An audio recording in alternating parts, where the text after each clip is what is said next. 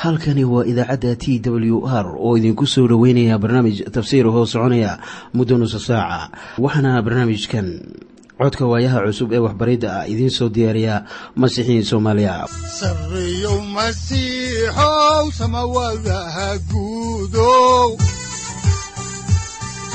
siraadkii adduunkow subanaha eebow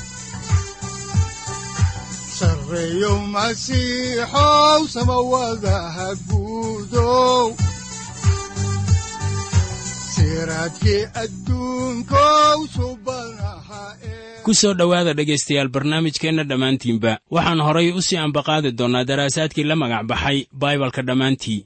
Waxaannu caawa idiin sii wadi doonnaa barashada kitaabkii koowaad ee samuel wuxuuna kitaabkani ka hadlayaa isbeddel weyn oo ku imaanayay qaabka xukuumadda reer banu israa'iil wuxuuna ka hadlayaa wixii keenay in reer banu israa'iil ay boqor samaystaan iyo qaabkii ay ku timid. Waxaanan caawa idiin wadi doonnaa cutubka shanaad ilaa iyo kan toddobaad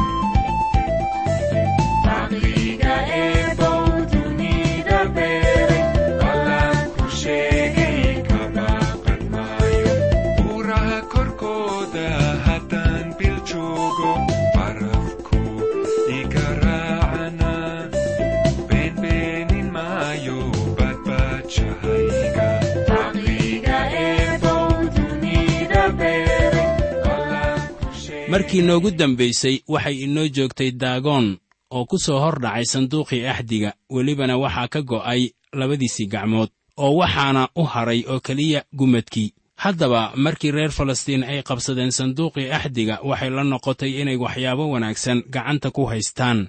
Laakiin mar kasta ee ay ilaah ku-sheegooda ay hor keenaan sanduuqii axdiga ayaa daagoon uu ku soo hordhacayay sanduuqa axdiga waxaan markaasi doonayaa inaan idin xusuusiyo shay kuwa faallooyinka qora ayaan garanin. Mar kasta ee ay daagoon hor keenaan sanduuqa axdiga ayaa waxaa burburaya daagoon waxaana u soo haraya gumadka gacmihiisa oo wuxuu la mid noqonayaa sida nin labada gacmoodba looga gooyey tuugannimo aawadeed.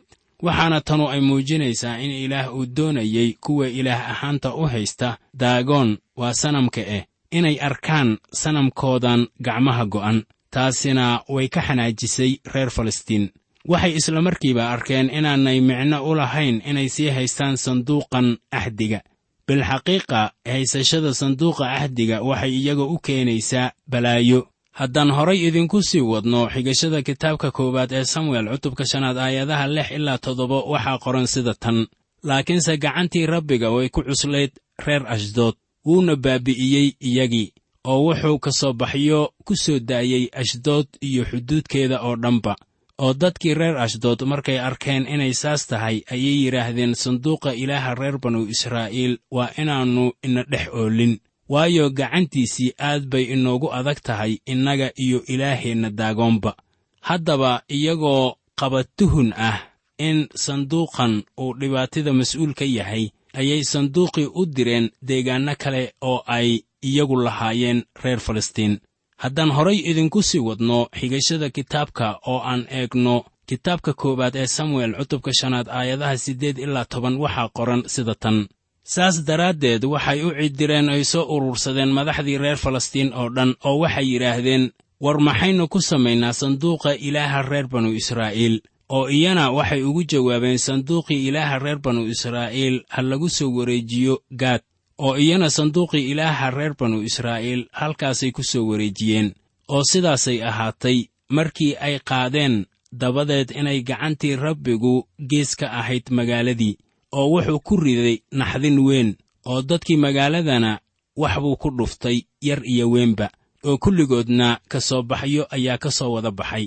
Sidaas daraaddeed waxay sanduuqii ilaah u direen xagga cekroon oo markii sanduuqii ilaah cekroon yimid ayay reer cekroon wada qayliyeen oo ay yidhaahdeen sanduuqa ilaaha reer banu israa'iil waxay inoogu keeneen inay ina laayaan innaga iyo dadkeennaba. Haddaba qof waliba wuu iska sii gudbinayaa sanduuqa. Markii ugu dambaysayna madaxdii reer falastiin ayaa waxay isugu yimaadeen shirweyne. Markaasay go'aan ku gaareen inay sanduuqan dib ugu celiyaan dhulkii israa'iil. Ilaahna balaayooyin buu u soo diray dadkii reer falastiin oo dhan markaasaa hal su'aal oo keliya ay isweyddiiyeen reer falastiin. Waxaanay ahayd su'aashaasi maxaannu ka yeelnaa sanduuqa axdiga ee reer banu israa'iil. Iminkana waxaannu soo gaarnay cutubka lixaad ee weli ka hadlaya ciqaabtii ku dhacday reer falastiin. Haddaba haddaan xigashada cutubkan idiin bilowno ayaannu eegaynaa cutubka lixaad aayadda koowaad waxaana qoran sida tan oo sanduuqii rabbiguna wuxuu waddankii reer falastiin yiilay toddoba bilood. Haddaba reer falastiin balaayo ayaa ka raacday qabsashadii sanduuqii axdiga ee reer banu israa'iil. Mar kasta ee ay sanduuqa axdiga hor keenaan daagoon ayaa daagoon uu kala burburayey markaasay haddana sanam kale oo daagoon ah samaynayeen.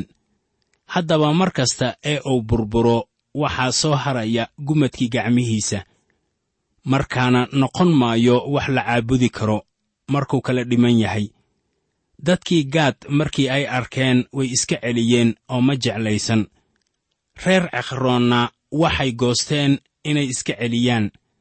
Haddaan horay idinku sii wadno xigashada kitaabka oo aan eegno kitaabkii koowaad ee samuel cutubka lixaad aayadaha laba ilaa afar waxaa qoran sida tan markaas reer falastiin waxay u yeedheen wadaaddadii iyo kuwii wax sheegi jiray oo waxay ku yidhaahdeen sanduuqa rabbiga maxaannu ku samaynaa bal noo sheega waxaannu ugu dirno meeshiisii. Kolkaasay iyana waxay yidhaahdeen haddaad diraysaan sanduuqa ilaaha reer banu israa'iil isagoo madhan ha dirina laakiinse si walba qurbaan xadgudub u celiya oo dabadeedna waad bogsan doontaan oo waxaad ogaan doontaan sababta gacantiisu ay idinkaga dhaqaaqi weyday. Oo markaasay yidhaahdeen qurbaanka xadgudubka ee aannu u celin doonnaa muxuu noqon doonaa? Oo iyana waxay yidhaahdeen madaxda reer falastiin inta tiradoodu ay tahay oo dhammu ha bixiyeen shan ka soo bax oo dahab ah iyo shan jiir oo dahab ah waayo idinka iyo madaxdiinnaba isku balaayaa idinku wada dhacday reer falastiin waxay doonayaan inay ka takhallusaan sanduuqa axdiga laakiin weli ma ayan hubin. Laakiin weli ma ayan hubin sida ay hawshaasi u bilaabayaan ama ay u abbaarayaan. Markaana waxay la tashadeen wadaaddadii iyo kuwii wax sheegi jiray oo u sheegayey inaanay sanduuqa ilaaha reer banu israa'iil aanay faramarnaan ku dirin. Waxay ahayd inay raaciyaan qurbaan loo bixin doono xadgudubka dhanka caabudista ah ee reer falastiin. Dad badan baa ilaa iyo haatan la yaaba waxa ilaah quruumahaas uga saaray kuwii degganaa haddaba dhulkaasu wuxuu ahaa meel bayac mushtari oo dad badani ay ku kulmaan. Sababtaas aawadeed ilaah xumaantooda aawadeed ayuu dhulkoodii uga saaray. Reer falastiin gebi ahaanba way ka tageen ilaah. Wuxuuna iminka ilaah siinayaa fursad ay ugu yimaadaan mar kale reer falastiin waxay haatan bixinayaan shan waslad oo dahab ah oo loo qaabeeyey sida ka soo bax iyo shan dahab ah ee loo qaabeeyey sida jiir oo kale. Haddaan horay idinku sii wadno xigashada kitaabka oo aan eegno kitaabkii koowaad ee samuel cutubka lixaad aayadda kow iyo tobanaad waxaa qoran sida tan. Oo sanduuqii rabbigana iyo sanduuqii ay ku jireen jiirarkii dahabka ahaa iyo taswiirtii ka soo baxyada waxay saareen gaarigii waxaad markaasi ogaataa markii reer falastiin ay celinayaan sanduuqa axdiga ee reer banu israa'iil inay gaari la jiido saareen sanduuqa. Haddaba waxba ku dhici maayaan haddii ay gaari saaraan. Miyaad garanaysaa sababta? Haddaba sababta waxay ahayd si kale ee ay yeeli kareen ayaan jirin. Ilaah haddaba mas'uul uga dhigi maayo ficilkaas. Laakiin israa'iil aad bay u garanayeen sida loola dhaqmayo sanduuqa axdiga. Markaana haddii shakhsi reer banu israa'iil ah oo aan wadaaddada qaadaya ka ahayni taabto isla markiiba wuu dhiman jiray. Waxaana farqiga keenaya waxa weeye in reer banu israa'iil ay garanayeen. Haddaan horay idinku sii wadno xigashada kitaabka oo aan eegno cutubka lixaad aayadda laba iyo tobanaad waxaa qoran sida tan. Sacahiina waxay qaadeen jidkii toosnaa ee betshemesh oo waxay tageen xagga jidkii weynaa iyagoo sii bunaaxinaya intii ay sii socdeen oo midig iyo bidix toona uma ay leexan oo madaxdii reer falastiinna way daba socdeen ilaa soohdintii betshemesh haddaba labadii sac ee loo dooray inay jiidaan gaariga sidaan horayba idinku soo sheegnay waxay ka soo tageen weylahoodii taasuna waa wax ka soo hor jeeda dabeecadda xoolaha. Waxaanay sidaasi u yeeleen bal inay arkaan in sanduuqan uu ka dambeeyo dhibaatooyinka haya oo dhan oo waxa ku dhacayana ay yihiin wax ilaah uga yimid.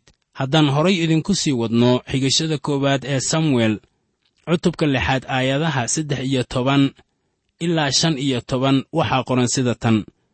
Oo kuwii reer beetshemeshna waxay dooxada ka goosanayeen sarreenkooda oo intay indhahoodii kor u qaadeen ayay arkeen sanduuqii oo way ku reereeyeen inay arkaan oo gaarigiina wuxuu soo galay beertii yeshuuca kii reer betshemesh oo wuxuu istaagay meel dhagax weyn ku yiil oo intay qoryihii gaariga jeexjeexeen ayay sacahiina rabbiga ugu bixiyeen qurbaan la gubo aawadiis. Markaasay kuwii reer laawi soo dejiyeen sanduuqii rabbiga iyo sanduuqii isaga la jirayba ee alaabada dahabka ahu ay ku jirtay oo waxay kor saareen dhagixii weynaa oo isla maalintaas ayaa dadkii reer betshemesh rabbiga ay u bixiyeen qurbaanno la gubo iyo allabaryo reer banu israa'iil aqbali maayaan inay qaataan wax ka yimid reer falastiin oo isla markiiba waxay arkeen in dhib weyne uu jiro. Haddaba inaanay shisheeye wax ka qaadanin ayaa horay loogu amray. Haddaan horay idinku sii wadno xigashada kitaabka koowaad ee samuel cutubka lixaad aayadda lix iyo tobanaad waxaa qoran sida tan. Oo shantii madaxda ahayd ee reer falastiin markay arkeen ayay isla maalintaas ceqroon ku noqdeen. Reer falastiin waxay arkeen in sanduuqii axdiga dib loogu celiyey reer banu israa'iil oo aad bay iminka ugu faraxsan yihiin inuu gacmahooda ka baxay iminka waxaannu arkaynaa markii sanduuqa lagu celiyey dhulkii reer banu israa'iil ayaa waxaa muuqata in dhibaato ay isla markiiba soo baxayso. Haddaan horay idinku sii wadno xigashada kitaabka koowaad ee samuel cutubka lixaad aayadda sagaal iyo tobanaad waxaa qoran sida tan. Oo isna wuxuu laayay dadkii beetshemesh maxaa yeelay waxay dhugteen sanduuqii rabbiga gudihiisa oo wuxuu dadkii ka laayay konton kun iyo toddobaatan nin oo dadkiina way baroorteen maxaa yeelay rabbigu wuxuu laayey dad aad u fara badan. Haddaba dadkii betshemesh waxay fiiriyeen waxa ilaah uu ka xarrimay sanduuqa axdiga waxaa loogu tala galay inuu dhex yaallo quduuska quduusyada ee taambuugga waxaanay ahayd in wadaadka sare oo keliya uu hal mar arko. Waayo waxay ahayd inuu galo quduuska quduusyada sannadkiiba mar haddaba markii sanduuqa axdiga lagula dhex lugaynayey lamadegaanka waa la dabooli jiray oo innaba meel bannaan lagama arki jirin. Reer falastiin ma ayan garanaynin waxyaalaha ku saabsan sanduuqa laakiin reer banu israa'iil way garanayeen. Haddaan horay idinku sii wadno xigashada kitaabka koowaad ee samuel cutubka lixaad aayadda labaatanaad waxaa qoran sida tan. Markaasaa dadkii beetshemesh joogay waxay yidhaahdeen bal yaa awooda inuu hor istaago rabbiga ah ilaahan quduuska ah oo bal yuu nooga tegayaa? Ma ahan inay eegeen sanduuqa axdiga oo keliya iyo wixii alaab ah aan la oggolayn in la arko ee gudihiisa ku jiray. Taasu ma ahan xaaladdu. Sanduuqu waa sida sanaadiiqda waaweyn oo ma ahan wax nooc kale ah. Tan ahmiyadda leh ayaa waxay tahay inuu sanduuqani yaallay quduuska quduusyada ee ilaah oo kula kulmi jiray dadkiisa. Iminkana halkan kula kulmi maayo iyaga waayo jidkiisii way ka leexdeen. Caasinimadooda iyo aflagaadooyinkooda ayaa laga dhex arkay addeecisdarradooda ah inay sanduuqii axdiga eegaan gudihiisa. Sababtaas aawadeed ayaa ilaah iyaga uu dul saarayaa ciqaab. Haddaan horay idinku sii wadno xigashada koowaad ee samuel ayaa waxaa ku qoran aayadda kow iyo labaatanaad sida tan. Waxay wargeesyo u direen dadkii degganaa qiryad yacaariim oo waxay ku yidhaahdeen reer falastiin haddana way soo celiyeen sanduuqii rabbiga. Haddaba idinku kaalaya oo qaata. Iminka waxay iyaguna doonayaan in sanduuqa laga qaado. Waa reer betshemeshe waxay wargeeyo u direen qiryad yacaariim iyagoo leh sanduuqii rabbiga ha loo yimaado waayo reer falastiin way soo celiyeen. Haddaba israa'iil ayaan diyaar u ahayn inay qaabilaan sanduuqii rabbiga. Ilaah dadkiisii ayaan iminka diyaar u ahayn inay ku soo noqdaan isaga. Waxaannu iminka idiin bilaabaynaa cutubka toddobaad ee kitaabka koowaad ee samuel waxaanan arkaynaa samuel oo dadkii hoggaaminaya oo guul ka soo hooyinaya abinacseer labaatan sannadood ayay isku diyaarinayeen reer banu israa'iil inay dib u hantaan sanduuqa axdiga israa'iilna waxay ka soo leexdeen bacaaliim iyo cashtarood si ay ugu adeegaan sayidka. Haddaan idiin bilowno cutubka toddobaad oo isaga qudhiisana aynu soo koobi doonno ayaannu eegaynaa baalka saddex boqol laba iyo konton ee axdigii hore. Aayadaha kow ilaa labo waxaana qoran sida tan markaasaa waxaa yimid dadkii reer khiryad yacaariim oo waxay qaateen sanduuqii rabbiga oo waxay soo geliyeen gurigii abinadaab ee buurta ku yiilay oo waxay quduus ka dhigeen wiilkiisii elicasaar inuu hayo sanduuqii rabbiga oo ilaa maalintii sanduuqa u yiilay khiryad yacaariim wakhtigu waa dheeraa maxaa yeelay waxay ahayd labaatan sannadood oo reer banu israa'iil oo dhammuna rabbiga ayay ka daba barooran jireen. Labaatan sannoo kadib ayaa reer banu israa'iil ay bilaabeen inay ku soo noqdaan rabbiga iyagoo ka soo tegaya bacaaliim iyo cashtarood. Waxay yimaadeen meeshii ama xilligii ay ilaah doondooni lahaayeen oo waxay ka daaleen asnaam caabudkii. Maalmahan aynu nool nahay ayaad arkaysaa dadkii oo diimaha ku soo noqonaya khaasatan kuwa masiixiyiinta ah haddaba waan ku farxaa waxyaabahaasi. Waayo waxaan rumaysanahay in dadka ilaah ay ku noqonayaan ugu dambaysta kitaabka baibalka. Waxaan rumaysanahay saxiixnimada iyo waxtarka baibalka iyo inaan u baahannahay inaan waxbaridda kitaabka baibalka ku noqonno. Wakhti bay qaadanaysaa sidii aynu ku gaarsiin lahayn warka dadka. Haddaba su'aashu waxay noqonaysaa inta sannadood ee loo baahan yahay in qowlka ilaah lagu gaarsiiyo dadkeenna. Waa su'aal u taalla dhegaystayaasheenna haddaan horay idinku sii wadno xigashada kitaabka oo aan eegno kitaabkii koowaad ee samuel cutubka toddobaad aayadaha saddex ilaa afar waxaa qoran sida tan. Markaasaa samuel wuxuu la hadlay reer banu israa'iil oo dhan oo wuxuu ku yidhi haddaad qalbigiinna oo dhan rabbiga ugu soo noqotaan dee haddaba dhexdiinna ka fogeeya ilaahyada qallaad iyo cashtarood oo qalbiyadiinna u diyaariya rabbiga oo keligiis u adeega oo isna uu idinka samata bixin doonaa gacanta reer falastiin. Markaasaa reer banu israa'iil ay iska fogeeyeen bacaaliim iyo cashtarood oo waxay u adeegeen rabbiga keliya. Haddaba halkan bay ka bilaabanaysaa hawshii samuel. Israa'iil waxay ku dhex jireen sanam caabud aan la qiyaasi karin. Waxay ka leexdeen ilaaha baaqiga ah ee runta ah waxaana looga adkaaday ama lagu jibiyey dagaallo fara badan oo ay qaadeen oo si weyn bay u niyad jabeen. Waxay biloobeen inay ilaah ka daba baroortaan waxaan innaguba u baahannahay inaan ilaah u soo noqonno. Waxaa dadka laga dareemi karaa baahi weyn iyo hamuun ay u qabaan inay runtan maqlaan. Haddaan horay idinku sii wadno xigashada kitaabka samuel waa kitaabka koowaad ee cutubka toddobaad aayadaha shan ilaa lix waxaa qoran sida tan. Markaasaa samuel wuxuu yidhi reer banu israa'iil oo dhan misfaah ku soo wada ururiya oo anna rabbigaan idiin baryayaa markaasay dhammaantood misfaah ku soo wada urureen oo intay biyo soo dhaamiyeen ayay rabbiga hortiisa ku shubeen oo maalintaasna way soomeen oo waxay halkaasi ku yidhaahdeen annagu waxaannu ku dembaabnay rabbiga oo samuelna wuxuu reer banu israa'iil ku xukumi jiray misfaah samuel ma ahayn nebi ay lahaayeen dadku oo wuxuu kaloo ahaa xaakinka qarankiisa. Waxaannu halkan ku arki doonnaa reer banu israa'iil oo ka soo leexanaya ilaahyo qallaad oo u imaanaya ilaahay runta ahaa ee qaadirka ahaa. Ninkan samuel ah baa iyaga u tukanaya waxayna qiranayaan dembiyadooda sidanna weeye sida loogu soo noqdo ilaah. Ilama ahan inuu jiro hab kale. Haddaan far waaweyn idinku qoro ayaan idiin sheegayaa in dadkii ilaah ay tahay. Marka hore inay ilaah u soo noqdaan oo dembiyadoodana ay qirtaan. Waxay u baahan yihiin inay isku eegaan iftiinka hadallada ilaah. Haddii aynu dembiyadeenna qiranno waxaannu arkaynaa inaynu ka gaabinnay ama aan gaari weynay ammaanti ilaah.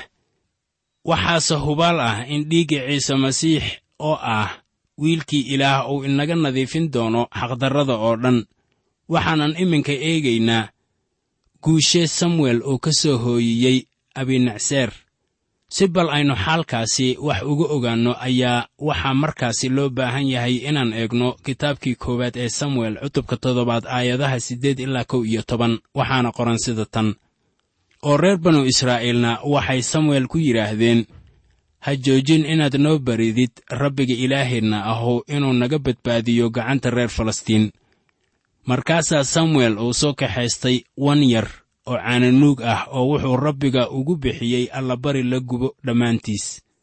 Markaasaa samuel rabbiga u baryey reer banu israa'iil aawadood oo rabbiguna wuu ka aqbalay samuel oo intii samuel allabariga la gubo uu bixinayey ayaa reer falastiin ay soo dhowaadeen inay la diriraan reer banu israa'iil. Laakiinse rabbiga maalintaas wuxuu reer falastiin ku soo daayey onkod weyn wuuna baabi'iyey oo reer banu israa'iil hortooday ku jabeen. Kolkaasay raggii reer banu israa'iil intay misfaah ka soo baxeen reer falastiin ay eryadeen. Wayna laaynayeen ilaa ay beydkaar hoosteeda yimaadeen. Haddaba ilaah wuxuu reer banu israa'iil haatan siiyey libtii waana markii ugu horraysay ee ay libta helaan ilaa iyo wakhti dheer. Dadkan waxay ku dhaceen asnaam caabud waxayna ku jireen caasinimo aad u weyn. Markii ay haatan bilaabeen inay ilaah u soo noqdaan ayaa samuel wuxuu qiray dembiyadii dadka. Wuxuuna ballan qaaday ilaah hortii in dadku ay tubtii eebbe ku soo noqonayaan.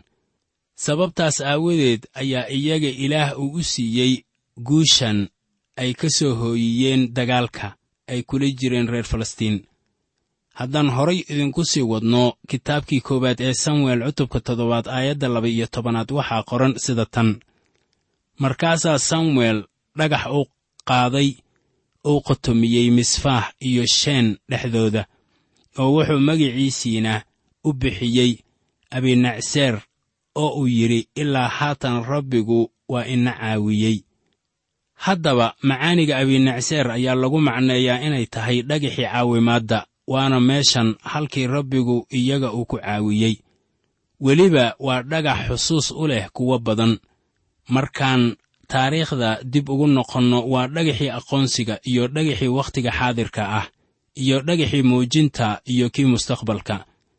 Waxayna leeyihiin meeshani waa halkii ilaah uu inagu caawiyey ilaa iyo haatan.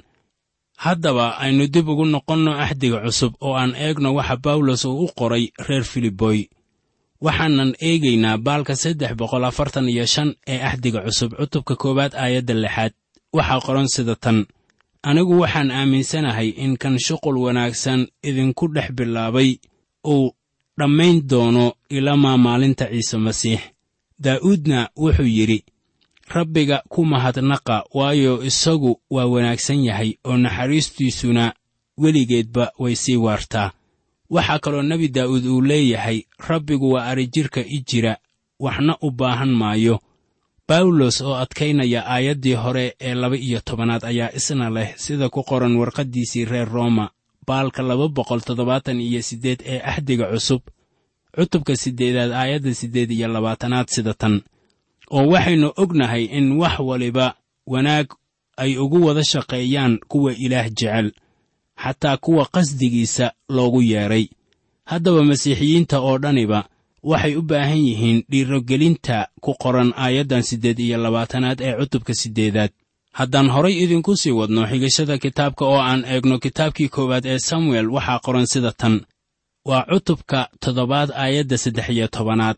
Sidaas daraaddeed reer falastiin waa la hoosaysiiyey oo mar dambana sooma ay gelin xuduudkii reer banu israa'iil oo intii samuel noolaa oo dhan gacanta rabbiga gees bay ka ahayd reer falastiin. Waxaan haddaba u malaynayaa wixii hadda ka bilowda in awooddii reer falastiin ay hoos u sii dhacayso oo si ahaan maayaan cadow weyn oo caqabad ku noqda reer banu israa'iil. Dagaalkuna wuxuu ahaa mid ahmiyad sare lahaa waxaana halkaasi qotonsan dhagax markhaati ah wuxuuna dhagaxaasu yaallaa ilaa iyo maanta waqooyiga magaalada yeruusaalem meel aan ka fogayn magaalada oo u jirta ilaa iyo afar mayl ama lix kilomitir. Haddaan horay idinku sii wadno oo aan soo gunaanadno cutubka toddobaad ayaannu eegaynaa aayadaha shan iyo toban ilaa toddoba iyo toban. Waxaana qoran sida tan. Oo samuelna wuxuu reer banu israa'iil xukumi jiray intuu noola oo dhan. Oo sannad kastaba wuxuu ku soo wareegi jiray beytel iyo gilgaal iyo misbaah oo meelahaas oo dhanna reer banu israa'iil buu ku xukumi jiray oo wuxuu ku noqon jiray raamaah. Waayo halkaasuu gurigiisu ahaa oo halkaasna reer banu israa'iil buu ku xukumi jiray oo halkaasna wuxuu rabbiga ugu dhisay meel allabari tanuna waa qisada caawa oo samuel waa nebi iyo weliba xaakinkii reer banu israa'iil ee waagaas. Wuxuu ahaa xaakin wareega wuxuuna u kala gooshi jiray gilgaal iyo misfaah iyo raamaah oo iyaga oo dhaniba waa yeruusaalem meelahaas oo dhan ayuu garta ugu qaybin jiray reer banu israa'iil.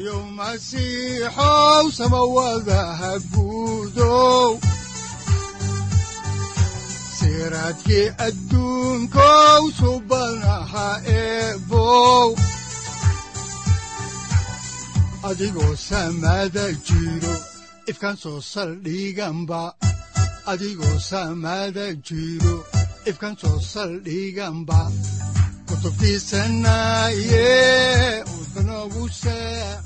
halkani waa t w r idaacadda t w r oo idinku leh ilaa ha idin barakeeyo oo ha idinku anfaco wixii aad caawi ka maqasheen barnaamijka.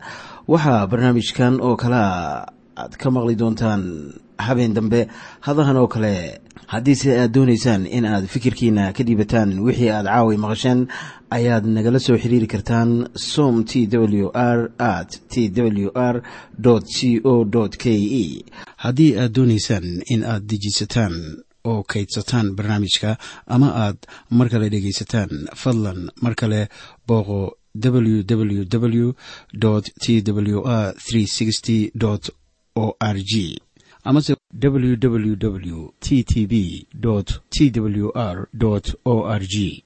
Amase waxaad teleefoonkaaga ku kaydsataa ama ku download garaysataa agabyada ku sahli karaa dhegeysiga t w r haddii aad doonayso in laga kaalmeeyo dhinacyada fahamka kitaabka amase aad u baahan tahay duco fadlan fariimahaaga soo mari bogga aaraahda ama kommentska inana jawaab degdeg ah ayaanu ku soo diri doonaa amase ku siin doonaaye sareyow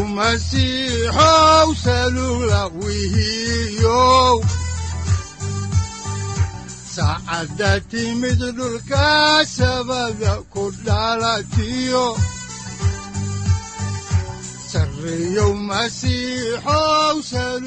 halkani waa t w r oo idiin rajaynaya habeen baraare iyo barwaaqaba leh inta aynu ka gaari doono wakhti aynu ku kulanno barnaamij la mida kan caawayay aad maqasheen. Waxa aan idinku leeyahay nabadda ciise masiix ha idinku badato xagga jidhka iyo ruuxaba. Aamiin